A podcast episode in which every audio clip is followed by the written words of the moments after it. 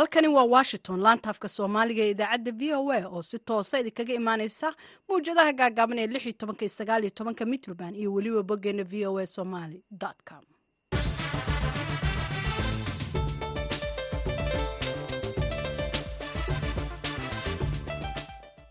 subax wanaagsan dhegaystayaal waa aroornimo talaada ah labaatanka bisha febraayo sanadka labada kun iyo afar iyo labaatanka. Saacadda afrikada bari waxay tilmaamaysaa lixdii iyo barkii aroornimo idaacadda saaka iyo caalamka waxaa idinla socodsiinaya. Anigoo ah falastiin axmed iimaan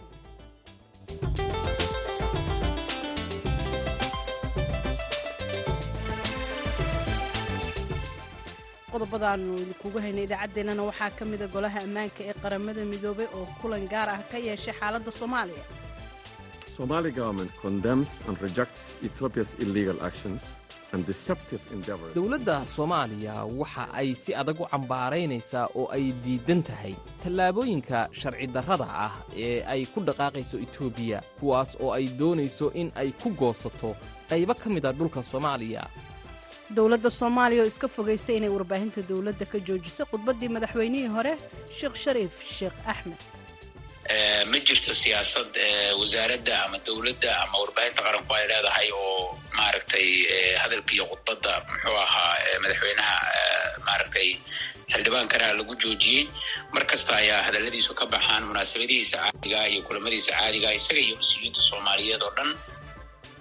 Waxaa kaloo aad maqli doontaan nigeria oo safka hore kaga jirta dalalka afrika ee shidaalka soo saara oo haddana xoogga saari doonta soo saarista macdinta qodobadaasi iyo warar kale ayaad maqli doontaan. Marka horese ku soo dhowaada warkii caalamka.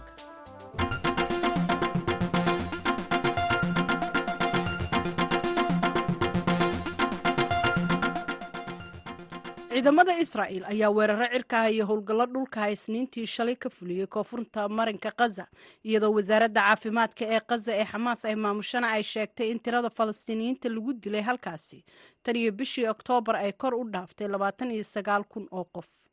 Militariga israa'il ayaa sheegay isniintii shalay inay duqeeyeen kan yunis oo ah magaalada ugu weyn koonfurta khaza halka walaaca caalamiga ah uu weli ka taagan yahay weerarada qorshaysan ee israa'il ay ku qaadi doonto magaalada u dhow ee rafax kaasoo gabaad u ah hal iyo bar milyan oo falastiiniyiin ah dagaalka ayaa ka dhacay gudaha iyo hareeraha cisbitaalka naasir ee kan yunis kaasoo hay'adda caafimaadka adduunka ee w h o ay sheegtay in hadda uusan shaqaynin xafiiska qaramada midoobey u qaabilsan isku xirka arrimaha bani'aadanimada ayaa sheegay inay sii socdaan wadaxaajoodyada lagu soo daadguraynayo bukaanada ku sii haray cisbitaalka.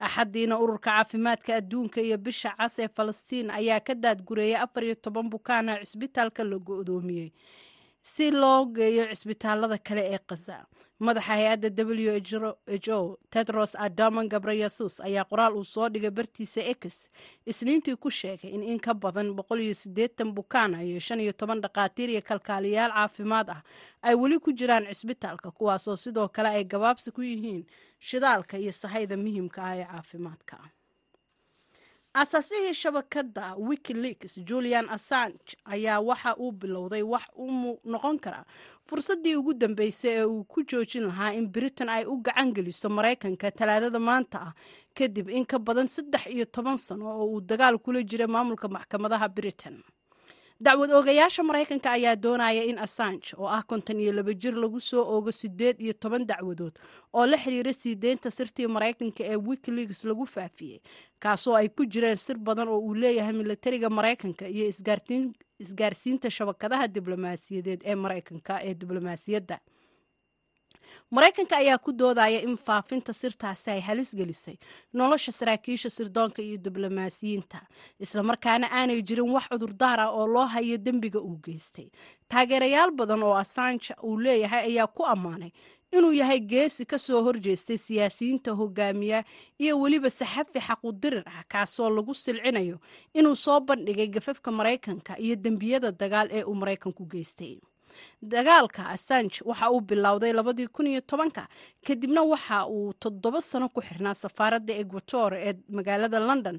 Ka hor inta aan laga jiidin oo xabsiga la dhigin labadii kun iyo sagaal iyo tobankii kadib markii uu jebiyey shuruudo damiin ama u ahaa aasaas magangelyadiisa waxa uu ilaa wakhtigaasi ku jiray xabsi ka mida kuwa ugu ammaanka badan oo ku yaalla koonfur bari london isagoo xitaa halkaasi ku guursaday britain ayaa ugu dambeyntii ogolaatay in loo gacangeliyo maraykanka sannadkii labadii kun iyo labaiyo labaatanka kadib markii garsoore uu markii hore ka soo hor istaagay sababo la xiriira walaac laga qabo caafimaadkiisa maskaxeed taasoo la macno ah inuu halis ugu jiro inuu isdilo haddii la tarxiilo. Qareennadiisa waxay isku dayi doonaan inay diidaan ogolaanshiyaha laba maalmood oo dhegaysi ah oo ay hor imanayaan laba garsoore oo ka tirsan maxkamadda sare ee london taasoo noqon karta fursaddii ugu dambeysay ee uu ku joojiyo in loo dhiibo maxkamadaha maraykanka taageerayaashiisa waxaa ka mid ah hay'adda amnesty international wariyaasha aan xuduudda lahayn ururo warbaahineed oo la shaqeeya wikileaks iyo siyaasiyiin kale waxaana ka mid ah ra'iisul wasaaraha dalka australia antony albenes oo isbuucii hore u codeeyey mooshin lagu dalbanayo inuu ku laabto australia.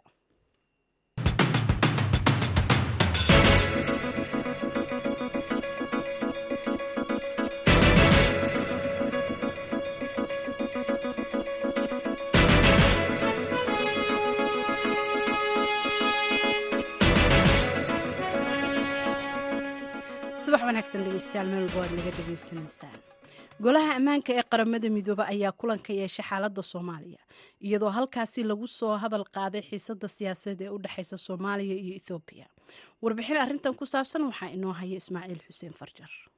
Shirkan golaha ammaanka ee qaramada midoobay oo ahaa mid furan ayaa lagaga hadlay xaaladda soomaaliya waxaana ugu horrayn kulankan furtay guddoomiyaha meertada ah oo ka socotay dalka guyana ugu horrayn waxaa hadalka la siiyey ergeyga gaarka ah ee xogayaha guud ee qaramada midoobay u qaabilsan soomaaliya katriana liang iyada oo golaha uga warbixisay xaaladda guud ee soomaaliya waxayna ka hadashay qodobo kala duwan oo ay ku jiraan doodda dib u eegista dastuurka ee ka socota baarlamaanka soomaaliya shirka garowge colaadihii gobolka sool iyo sida xaalku ku dambeeyey iyo qodobo kale. Arrimaha ay sida gaarka ah u taabatay waxa ku jirtay xiisadda u dhexaysa soomaaliya iyo etoobiya On the 1st of January, Ethiopia and Somaliland announced a memorandum of understanding which reportedly bishii januari kowdeedii somalilan iyo etoobiya waxay shaaciyeen heshiis is-afgarad oo etoobiya lagaga kareeyey dhulxeebeed labaatan kilomitir ah muddo konton sannadood ah iyada oo somalilan ay kaga beddelanayso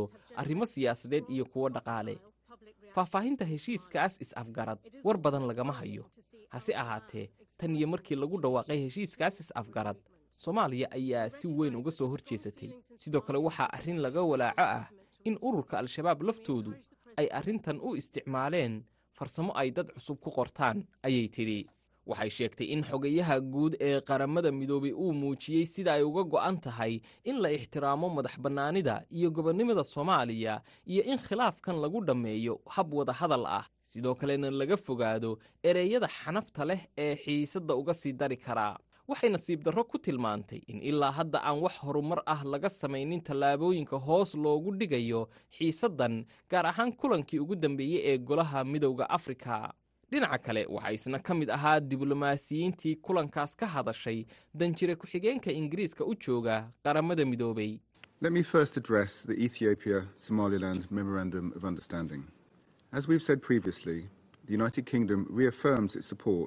The and territorial integrity. The UK is a close friend and long standing partner to both Somalia and Ethiopia, and we are continuing to engage with both governments directly. Marka hore aan ka hadlo heshiiskii is-afgarad ee dhex maray somalilan iyo etoobiya sidii aan hore u sheegnayba boqortooyada ingiriisku waxay dib u xaqiijinaysaa madax bannaanida iyo israacsanaanta dhuleed ee soomaaliya ingiriisku wuxuu wakhti dheer saaxiib la ahaa labada dal ee soomaaliya iyo etoobiya waxaannu sii wadi doonnaa in aannu toos ula macaamilo labada dowladoodba. Ingiriisku wuxuu ku baaqayaa in wadahadal la furo si xaaladda loo dejiyo. Waxaana muujinayaa taageeradayada ee dadaalada dhexdhexaadineed oo ay ku jirto shaqada ay wadaan igad iyo midowda afrika ayuu yidhi. Danjiraha soomaaliya u fadhiya qaramada midoobay abuukar daahir cusmaan oo gebagabadii kulanka ka hadlay ayaa si adag uga hor yimi heshiiska is-afgarad ee dhex maray somalilan iyo etoobiya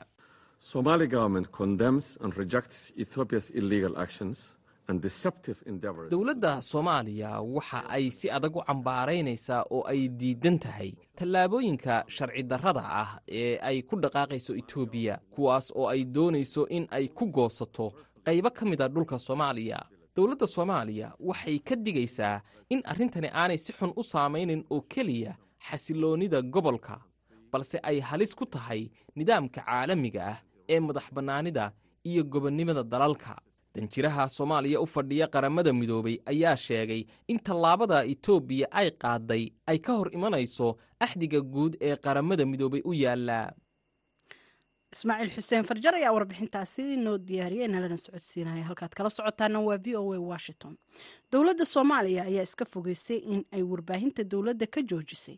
Baahinta khudbaddii uu shalay baarlamaanka ka jeedinayay madaxweynihii hore ahna mudano ka tirsan baarlamaanka soomaaliya sheekh shariif sheekh axmed.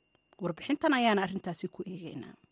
Dooda ku aadan wax kabeddelka dastuurka ayaa u muuqata mid abuuraysa xiisad siyaasadeed xilli ay dowladdu wajahayso culaysyo dibadda iyo gudaha ah.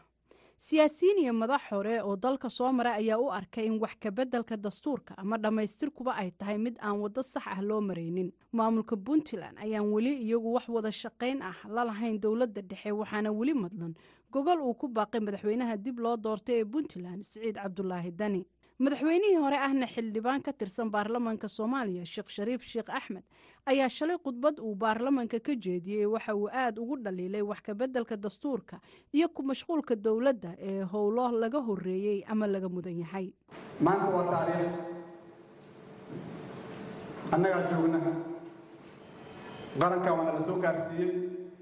Waxaa nagala rabaa inaan ka fikirno maxaan u reebaynaa carruurteenna soo socota iyo kuwa joogaba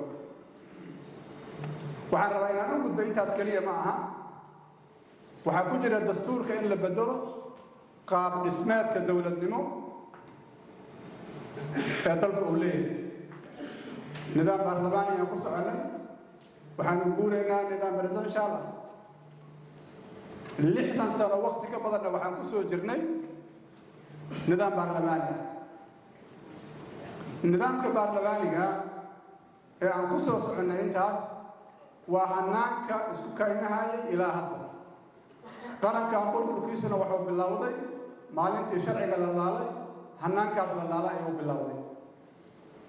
Hadda baarlamaankan iyo kuwa ka horreeyey weli awood uma helin inay waajibaadkooda si furan oo xur ah u gutaan. Mar walba waxaa ku dhex jiray faragelinta fulinta waxaan ognahay dastuurkan loobinkiisa iyo hadalkiisa kama imaanin baarlamaanka. Waxaana la rabaa inuu ku dhammaado dastuur aan madaxweyne dooranaynin xukuumad ansixinaynin sharciyo sameeya bes nidaamka presidentialka waxuu u baahan yahay tala intaan ka ballaaran dooda shalay ee baarlamaanka oo si toosa looga tabinayay tv-ga qaranka ayaa qoraal uu soo saaray madaxweynihii hore ee soomaaliya sheekh shariif sheekh axmed. Waxa uu sheegay in laga jaray warbaahinta qaranka taasoo uu sheegay in ay tahay xaqiiqda oo la daboolayo. Xildhibaan yuusuf xuseen axmed gamaadiid oo ka mida xildhibaanada aadka ugu dhow madaxweynihii hore sheekh shariif sheekh axmed ayaan weydiiyey waxa ka jira eedaasi kalfadhiga guud ee baarlamaanka labada gole iyo markay gologolo u shirayaanba intaba warbaahinta qaranka iyo warbaahinta kale ee gaarka loo leeyahaba dhammaantoodba accessi uleeyihin ay yimaadaan tabin toos ah ayay sameeyaan. Oo xildhibaan kastoo hadlaya si life ah ayaa warkiisa loo sii daayaa dhammaan tviyadao dhan. Tvga qarankana wuxuu hormuud u yahay tviyadaas iyo warbaahintaas toosinta tooskaa samaynaysay. Siday toos ay ugu jirtay hawada markii madaxweynihii hore ee soomaaliya shariif sheekh axmed loo yeeray ayaa hal mar la jaray oo weliba hadalkuu bilaabay ayaa la jaray dabintii tooska ahayd ee t v qaranka u waday. Kadibna siday caadadu tahay xildhibaan kastoo hadlaa markuu hadalka ka sii dhammaanayaba hadalkiisii ayaa beijka la soo dhiga xildhibaanadii kaloo dhan waa la soo dhigay haddana isla tiisina t v-ga lagama sii dayn lamana soo dhigin. Marka arrinkaas arrinka uu ka hadlay. Xildhibaan yuusuf gamaadiid ayaan weydiiyey haddii uu shaki gelinayo bal intaasi ay noqon karto cilad farsamo iyo in kale. Maya weydiin uma baahnaba xildhibaanadu say isugu xigeen iyo sidai kale horreyen waa la yaqaan. Xildhibaanada naga horreeyey kuwa naga dambeeyeyba hadday saariyihin oo laga eegi karaa marka taas marka maana weydiin. Weydiin uma baahnaba madaxweynihii hore sheekh shariif sheekh axmed ra'iisul wasaarihii hore xasan cali khayre iyo xildhibaan cabdiraxmaan cabdishakuur ayaa goor sii horreysay bayaan ay soo saareen. Waxay ku muujiyeen sida ay uga soo horjeedaan una dhaliilayaan qorshaha dastuurka wax lagaga bedelayo iyagoo sheegay in wadatashi iyo isdhegaysi loo baahan yahay v o a waxay la xiriirtay wasiir ku-xigeenka warfaafinta dowladda federaalk soomaaliya cabdiraxmaan yuusuf al cadaala inagoo weydiina waxa ka jira eedaha la soo jeedinayo ee ah in warbaahinta dowladda laga jaray hadal jeedintii shalay ee baarlamaanka ee madaxweynihii hore sheekh shariif sheekh axmed. Haddana ah xildhibaan ka tirsan golaha baarlamaanka dabcan telefishinka iyo warbaahinta qaranku guud ahaan waxay u adeegtaa dadka soomaaliyeed waxayna ku shaqaysaa si waafaqsan shuruucda dalka muxuu ahaa dhammaan muwaadiniinta soomaaliyeed heerarkooda kala duwanna waa u siman yihiin waana u madax bannaan yihiin. Si gaara arrinta aad ii weydiisay madaxweyne shariif ku saabsan runtii madaxweynuhu madaxweyne hore oo soomaaliyeed oo qaranka soomaaliyeed soo maray oo xurmo weyn la waaye. Sidoo kalena waa xildhibaan ka tirsan golaha baarlamaanka. Ma jirto siyaasad wasaaradda ama dowladda ama warbaahinta qaranku ay leedahay oo maaragtay hadalka iyo khudbadda muxuu ahaa madaxweynaha maaragtay xildhibaankana lagu joojiyey. Mar kasta ayaa hadaladiisu ka baxaan munaasabadihiisa caadiga iyo kulamadiisa caadiga isaga iyo mas'uuliyiinta soomaaliyeed oo dhan.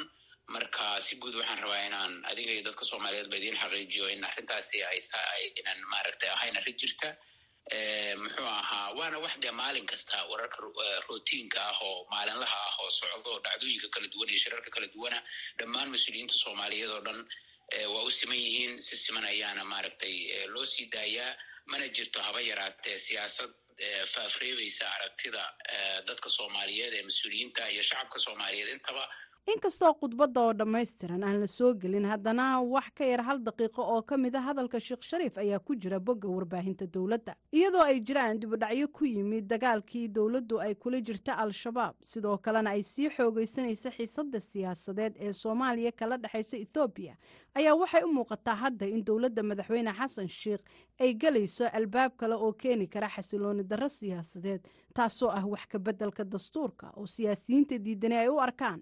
Mid aan xilligeedii la joogin dana siyaasadeedna ay ku lamaanan yihiin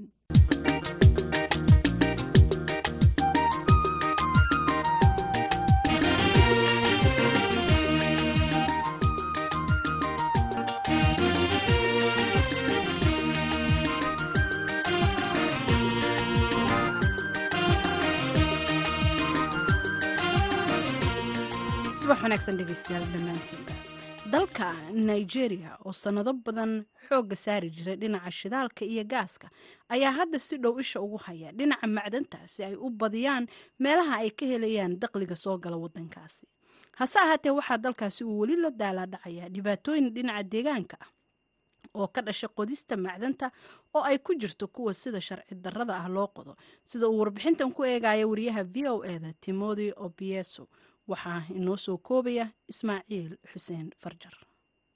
Gayang waxay si sharci darro ah u qodaysay macdanta muddo saddex sanno ah si ay u hesho mid ka mid ah macdanta ugu qaalisan bartamaha nigeriya tani waa hal goob oo ka mid ah qaar badan oo ku yaalla gobolka platew halkaas oo kumanaan dadka deegaanka ahi ay isku dayayaan in ay lacag deg deg ah ka sameeyaan macdanta gayang waxa ay sheegtay in ay samayso ilaa shan iyo toban dollar toddobaadkii ayna u qalanto khatarta ay waajahayso.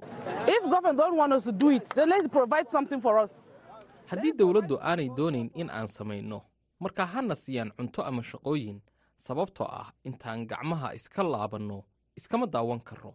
Marka la helo macdanta la raadinayo ee tiin waa la dhaqaa oo laga soocaa ciidda ka dibna waa la miisaamaa lana kala iibsadaa iyada oo laga iibinayo shirkadaha waaweyn oo u isticmaali doona agabka ay ugu horreeyaan qalabka elektroniga ah.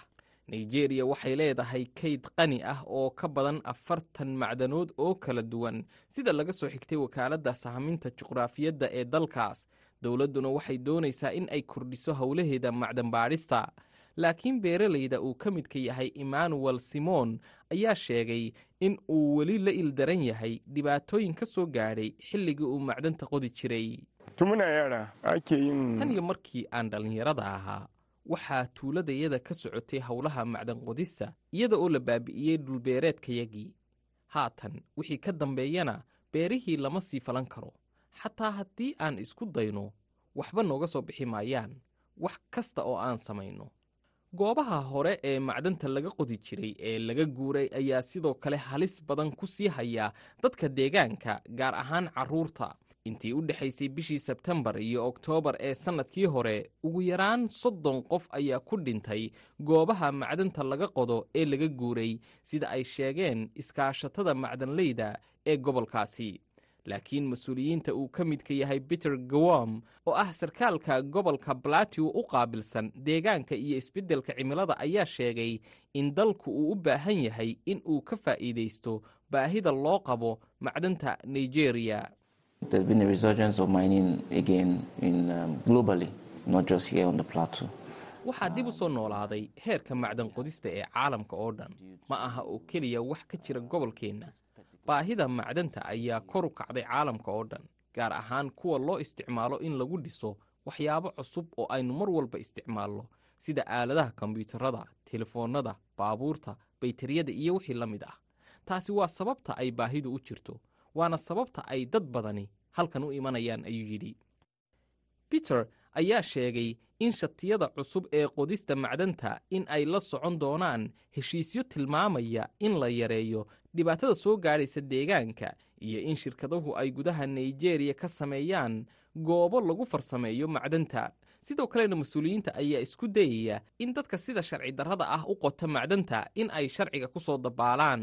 The government is looking at, you know, we don't want to address them anymore as illegal miners. We're looking at them as ma doonayno in aan mar dambe ula dhaqanno in ay sharci darro yihiin. Waxaannu doonaynaa inaan u aragno sidii farsamo yaqaanno waxaannu doonaynaa in aan u samayno iskaashatooyin annaga oo siinayna agab ay si ammaan ah ugu qodan karaan macdanta ayuu yidhi. Dhanka kale waxaa la eegi doonaa in dadka ay ka midka yihiin gayaan oo kale in ay sii wadaan macdan qodista sharci darrada ah si ay uga helaan lacago ay qoysaskooda ku quudiyaan warbixintii wariyaha v o eda timodio obieso waxaa noo soo jeedinaya ismaaciil xuseen farjar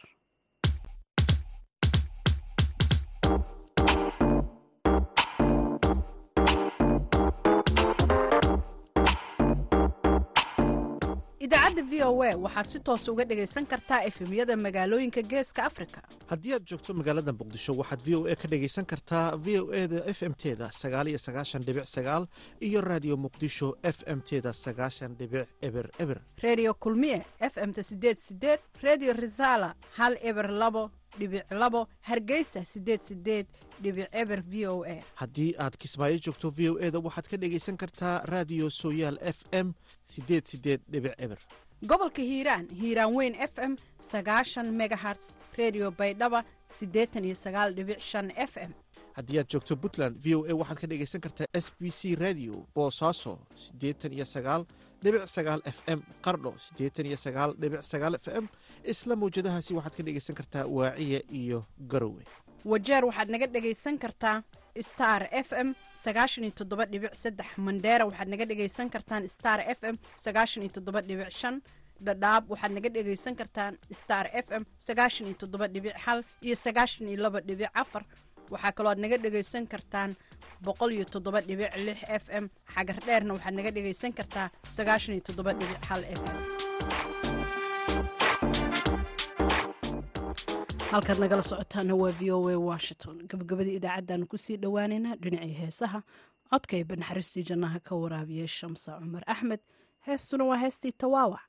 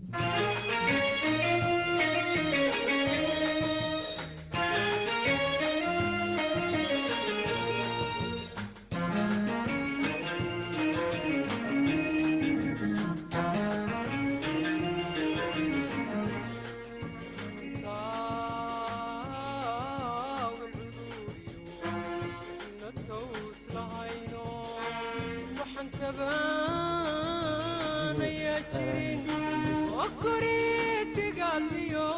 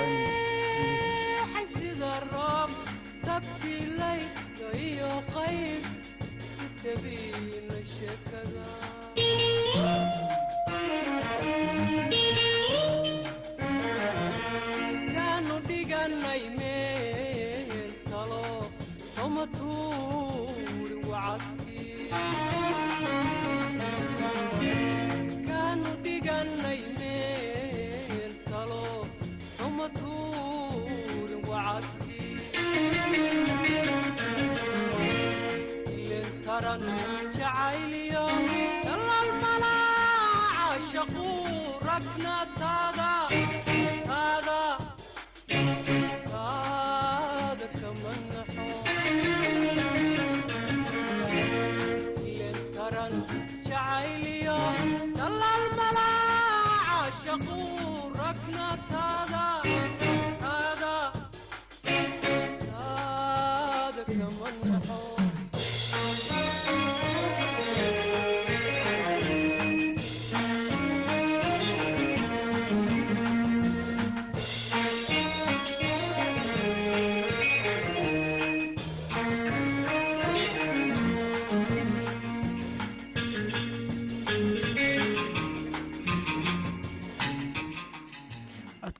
anay shamso. Cumaro iyo haastii tawaawac waxay gabagabo ahayd idaacaddeenii aruurnimo. Intaan mar kale hawada ku kulmi doonno xaggiina saacaddu markay tahay kowdiiyo barka duhurnimo. Waa dhammaan asxaabta v o a oo idinleh nabadgelyo